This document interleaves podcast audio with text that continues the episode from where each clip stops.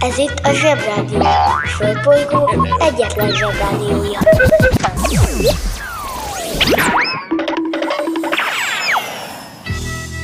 Ez itt a Napközi. A mai adásban Támadnak a kultúrákok.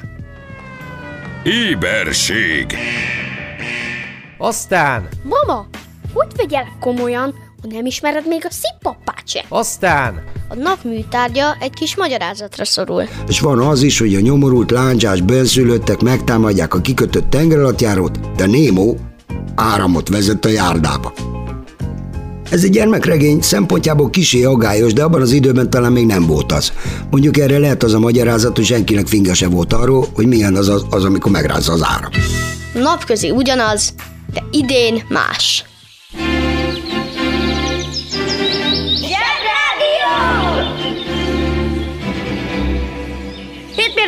Hétmérföldes szenzáció! Dübörög a zsebrádió! Bemegyek az oviba, suliba. Mindig a mamám hoz a buliba. De mikor a papa hoz a tutiba Rendszeresen csemmegézünk sütiba. Megérkezünk, csekkolom a jellemet. Búcsúzáskor mindig van a jelenet. Hátöltözés, benti cipő, ölelés. Bemegyek és kezdődik a nevelés.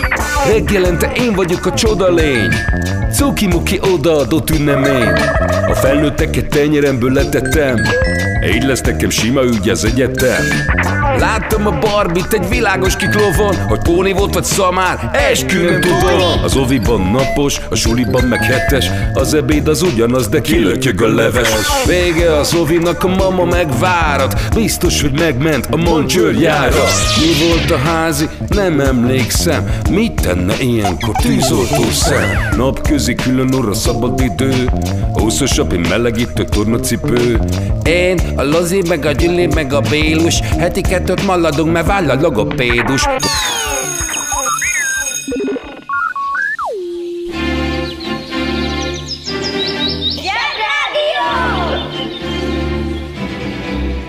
Zsebrádió. Hihetetlen dolgok, hihetően. Éberség A szörnyetegek szabadon vadásznak rád Hogy megszeresd és utánozd őket Hogy másra már ne is gondolj. Ha sikeres akarsz lenni Tudnod kell, hogy pontosan mi is leselkedik rád. Mert bármikor előfordulhat, hogy kilépsz a suli kapuján, és ott áll előtted egy Meglepő állítás, miszerint a hungari nem a hunokból jön, hanem az ongur szóból.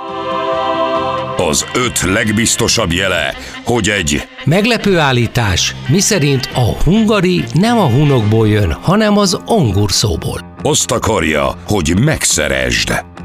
Egy. Csendesen beszivárog a hír, mint egy halk puki, de senki nem szól semmit. Kettő. Onogur? Ungárn? Hungária? Hm-hm. Már megint valami régi felnőtt hülye volt. Három. Mikor fog ez mindenkinek kiderülni? És akkor mi lesz? Négy. Csaba bácsi nem ezt mondta. Öt. Jó, tök mindegy. Verne Gyula is volt, meg Kolumbusz Kristóf. Ne feledd. Logika, kritika, etika. Logika? Most nincs időm elmagyarázni. Kérdezd meg anyádat. Van bolonyai folyamat, finn oktatás és a japán pedagógia. És van a napközi. Üdvözlünk a Paleó valóságban. A történelmet nem azért írták, mert úgy történt, hanem azért, hogy úgy jegyezd meg.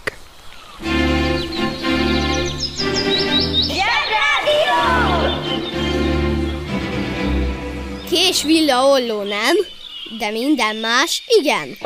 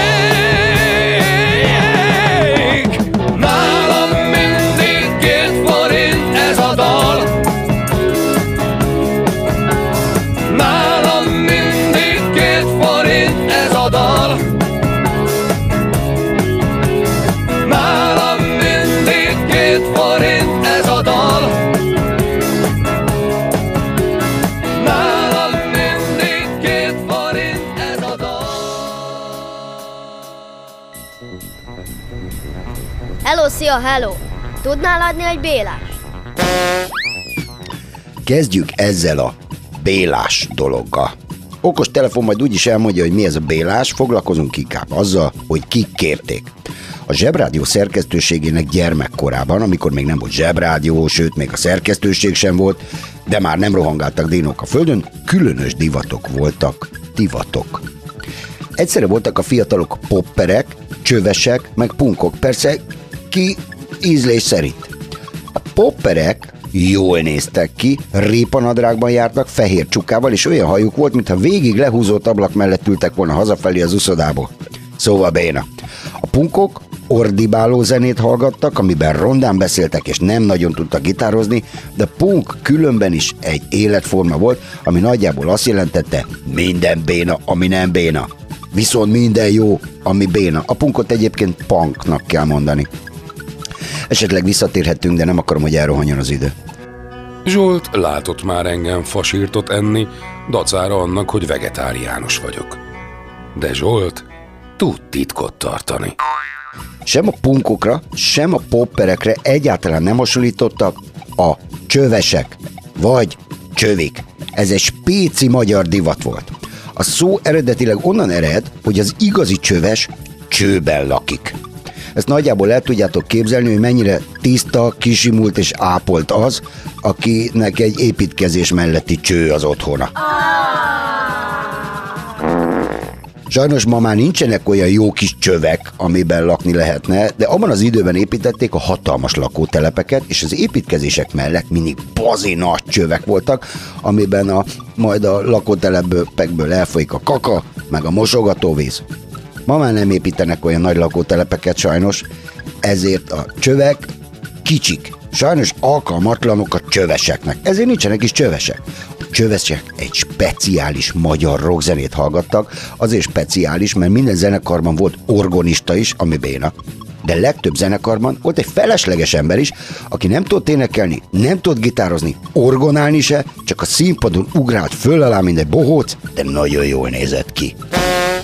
Na most már kezdek kíváncsi lenni.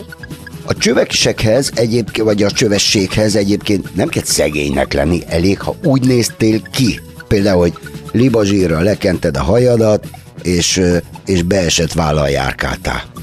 És azt tett igazán csövessé, ha metró végállomásokon embereket szólogattál le, hogy adjanak két forintot, mert venné magadnak az autóbatából egy téli fagyit.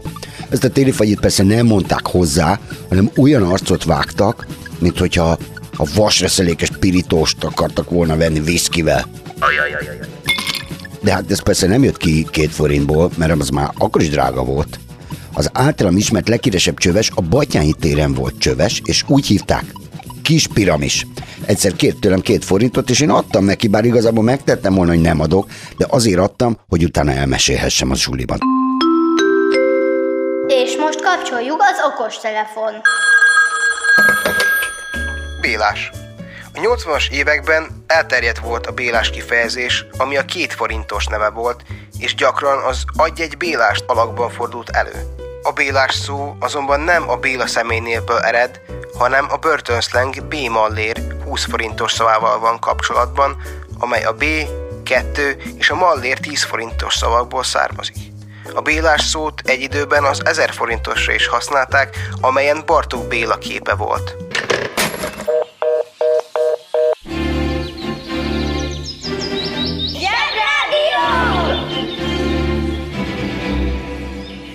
Zsebrádió!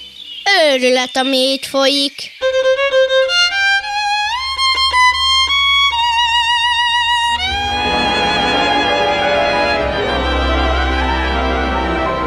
Mótás kedvű volt az apám. Kapcsold az ötödik zsebességet! Egy időben nagy divat volt, hogy kisebb-nagyobb cégek himnuszt irattak maguknak, és csapat összetartó tréningeken ezt kellett énekelni. Istennek hála, ez a maraság kiment a divatból.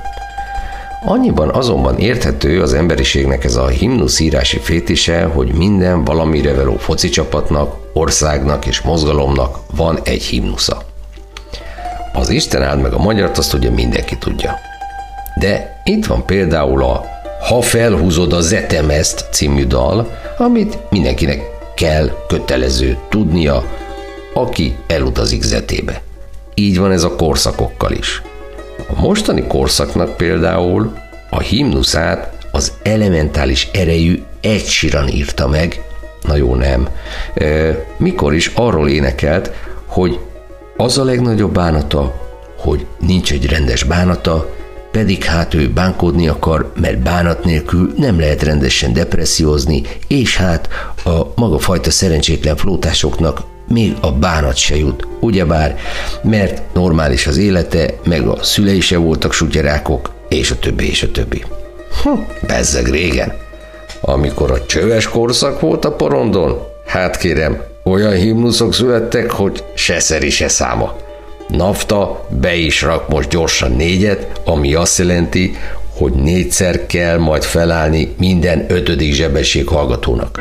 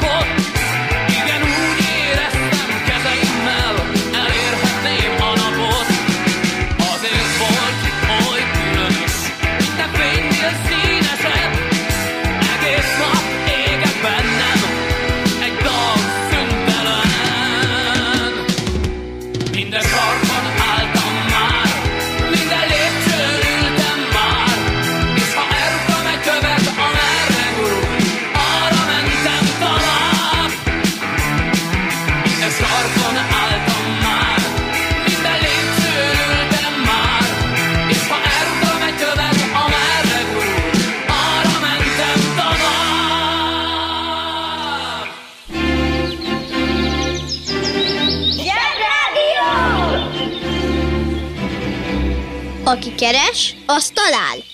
Keres minket az Apple Podcast-en.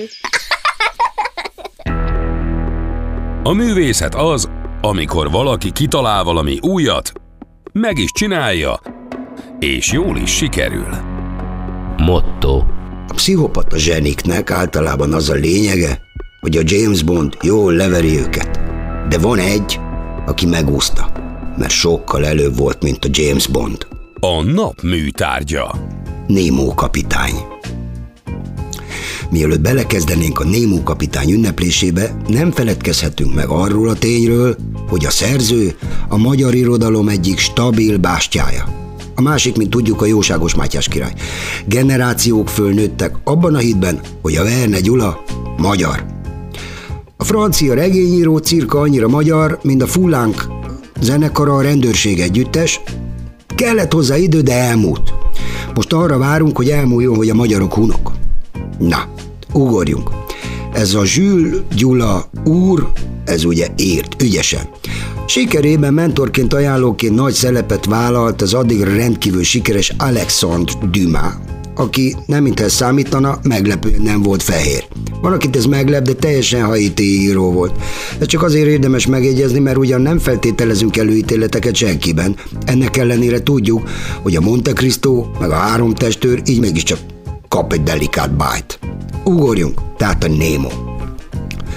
A regény eredeti címének fordítása 20 ezer mérföld a tenger alatt. Meglepő, hogy a Jules Verne milyen jó regényeket tudott írni, és milyen szarcímeket adott neki. Az irodalom történet szerint Verne azért írt annyi tengeres történetet, mert az első Dumas által mentorált könyve akkora pénzügyi siker volt, hogy onnantól kezdve egy jachton élt a földközi tengeren, és ott írogatott. Két berúgás közben. Az eredeti kiadás annyira olvashatatlan gyerekeknek, hogy kizárólag nagyon ráérő felnőtteket képes lekötni. Ezért merész vállalás volt a Magazin d'Education et de magazin részéről, hogy mégis megjelentették heti folytatásokban. Később, amikor megszabadították a regényt, a felesleges részletgazdagságtól igazi kassza sikeré vált. Annak ellenére, hogy a francia irodalom történetben gyakorlatilag egyetlen elem sincs, amely szereplőinek a nevét francia nyelvvizsga nélkül ki tudnánk ejteni. Aronax professzor és Hű Inasa Conceil. Valahogy kiküt egy bumburnyák bálnavadász társaságában a tenger alatt járon. Ahol van villany, meg egy csomó olyan dolog, ami 1869-ben elég prócuc volt. Ez már csak azért is nagyon érdekesé teszi a Némót, mert Edison pont tíz évvel később jelentette be, hogy főtalálta a villanykörtét. Ismétlem, Jules Verne tíz évvel Edison előtt főtalálta a villanykörtét, illetve hát persze a Némó találta föl, a Jules csak megírta, a Gyula. Miközben beszippant bennünket a történet, észre sem vesszük, hogy az egyetlen cselekmény a tenger alatt járó. Van persze cápa, és van az is, hogy a nyomorult láncsás benszülöttek megtámadják a kikötött tengeralattjárót, de Némó áramot vezet a járdába. Ez egy gyermekregény szempontjából kisé agályos, de abban az időben talán még nem volt az. Mondjuk erre lehet az a magyarázat, hogy senkinek finga se volt arról, hogy milyen az, az, az amikor megrázza az áram. Hiszen nem volt áram. Jönnek, mennek, aztán a Nemo elengedi őket. Pedig először mondta, hogy nem fogja, mert akkor ő kiderül, és ő nem akar kiderülni. Ugye, mert pszichopata. Ennél pozitívabb mű azóta sem készült orvosi eseti szintű pszichopatáról, aki fahajókkal kötözködik. A pókemberbe kísérleteznek ilyesmivel, hogy a gonosz feltaláló egy ideig egész érthetően viselkedik, csak aztán nem hagyják abba a filmet időben, és ezért mindig kiderül, hogy a pszichopaták mennyire rosszak. Zsenik, de azért nagyon rosszak. A Nemo ezt megúszza azzal, hogy Jules Verne időben elengedi. Ettől olyan megnyugtatóan remek. A kevesebb több. Ennek a műsorszámnak az is lehetne a címe, hogy száz dolog, amit érdemes lenne a gyerekkel megdumálni. Csak nem akartunk fontoskodni.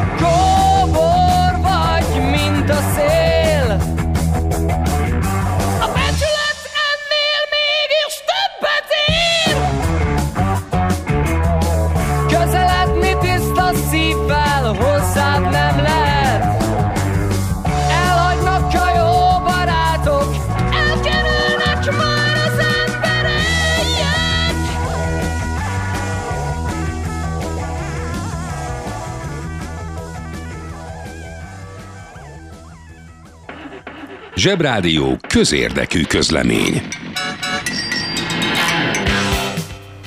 Kedves felnőttek!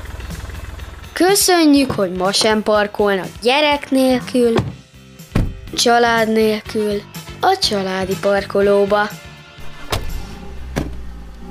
Mi nem parkolunk oda.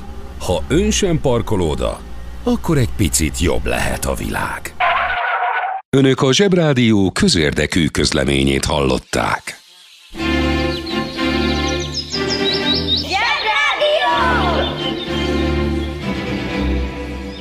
Zsebrádió. Hallgatni arany. Lehet, hogy sok francia ember reggelenként egy irányba fordítja az arcát, és ők fújják a passzát Hm, nem tudom, nem értek a meteorológiához. Az viszont biztos, hogy egy spanyol képzőművész nevezett Pablo Picasso áthurcolkodott Franciaországban. Szerintem azért, mert elege lett abból, hogy mikor Spanyolországban valakinek be kellett mutatkoznia, akkor ezt kellett mondania. Pablo Diego José Francisco de Paula Juan Nepomuceno María de los Remedios Cipriano de la Santissima Trinidad Ruiz y Picasso, mert hogy ez volt a neve. Nem is értem, mire gondoltak a szülei. Mikor volt egyáltalán a névnapja? Na mindegy. Engedelmetekkel most nem megyek bele abba, hogy a festőként tevékenykedő picasso volt kék korszaka, meg rózsaszín korszaka, meg analitikus kubizmus korszaka, mert ettől egy idő után megfájdul az ember feneke. Maradjunk abban, hogy épp világhírű festőnek készült, így utólag visszanézve elmondhatjuk, hogy sikerült is neki, mikor 1911-ben a Louvre nevű múzeumból valaki ellopta a furcsán mosolygó hölgyről készült festményt, a Monalizát. Egy közepesen nagy összegben fogadnék rá, hogy a világ bizonyos tájain, főleg ahol a franciák úgynevezett gyarmati tevékenységet folytattak, ott bizony úgy tekintenek a Louvre, mint a hely, ahol a tőlük lenyúlt értéktárgyakat őrzik előre nem tisztázott ideig. Így gondolta ezt egy olasz biztonsági őr is, de ne szaladjunk előre. Na szóval, immáron másodszorra tűnik el a Mona Lisa a Louvre-ból. Először Napóleon vitte el, mert lakatos márki stylist azt javasolta, hogy a hálószobának jó tenne egy Mona Lisa, úgyis olyan rémes a tapéta.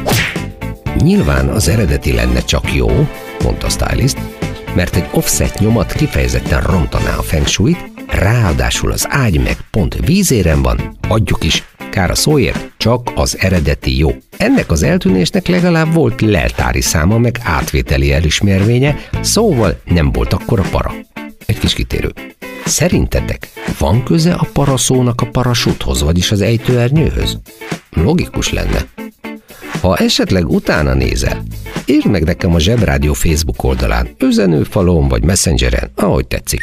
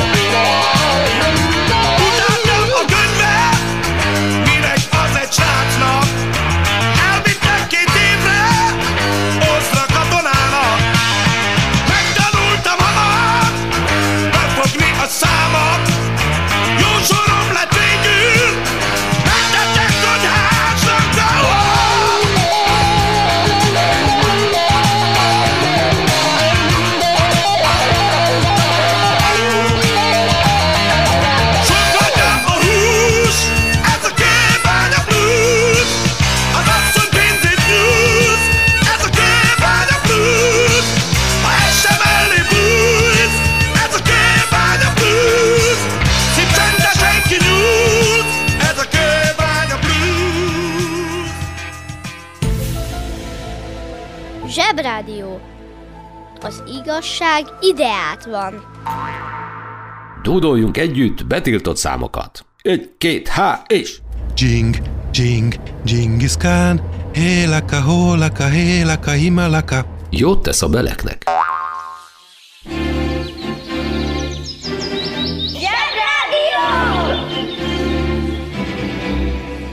Zsebrádió. Naponta egyszer, de lehet többször is.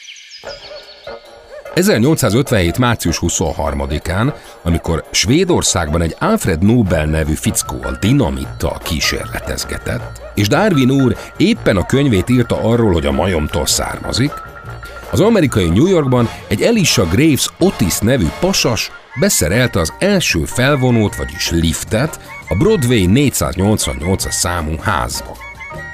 Na jó, nektek tök természetes, hogy beszálltok egy liftbe, megnyomtok egy gombot, és sút felmentek a kilencedikre. De akkoriban ez nem így ment. A liftet is fel kellett találni. Állítólag időszámításunk előtt egy Archimedes nevű pasas már feltalálta. Mint ahogy azt is ő találta ki egyébként, hogyha beülsz egy kádba és túl sok benne a víz, akkor a felesleges kifoly. Mert addig nem folyt ki. Szóval akkor még a liftet különféle kötelekkel kellett, meg csigákkal, emberi erővel felhúzni. Ez az Otis nevű úr azt találta ki, hogy ha el is szakad a kötél, akkor se fog leesni a lift, mert egy biztonsági retesz megállítja. És most kapcsoljuk az okostelefon. Biztonsági retesz. A liftekben a biztonsági berendezések legfontosabbika a kötélszakadás elleni védelmet jelentő fogókészülék, avagy a biztonsági retesz, és az esetek többségében az ezt működtető sebességhatároló készülék. Enélkül a retesz nélkül a liftek a meghibásodásuk esetén, vagy ha a felvonó kötél elszakad, csak úgy lezuhannának a mélybe. Tehát tulajdonképpen ez egy fék vagy fékrendszer, majdnem úgy, ahogy a vonatokon a vészfék.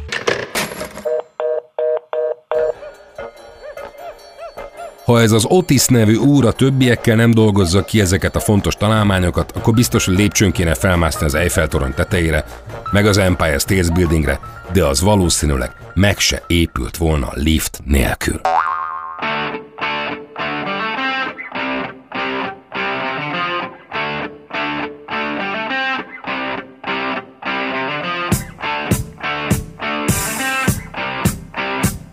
A mai napközinek vége. Jól dolgoztatok. Ma is sokat haladtunk az anyagban, de még sok van hátra. Holnap újra várunk mindenkit. De addig nézegessétek a zseboldal.hu-t.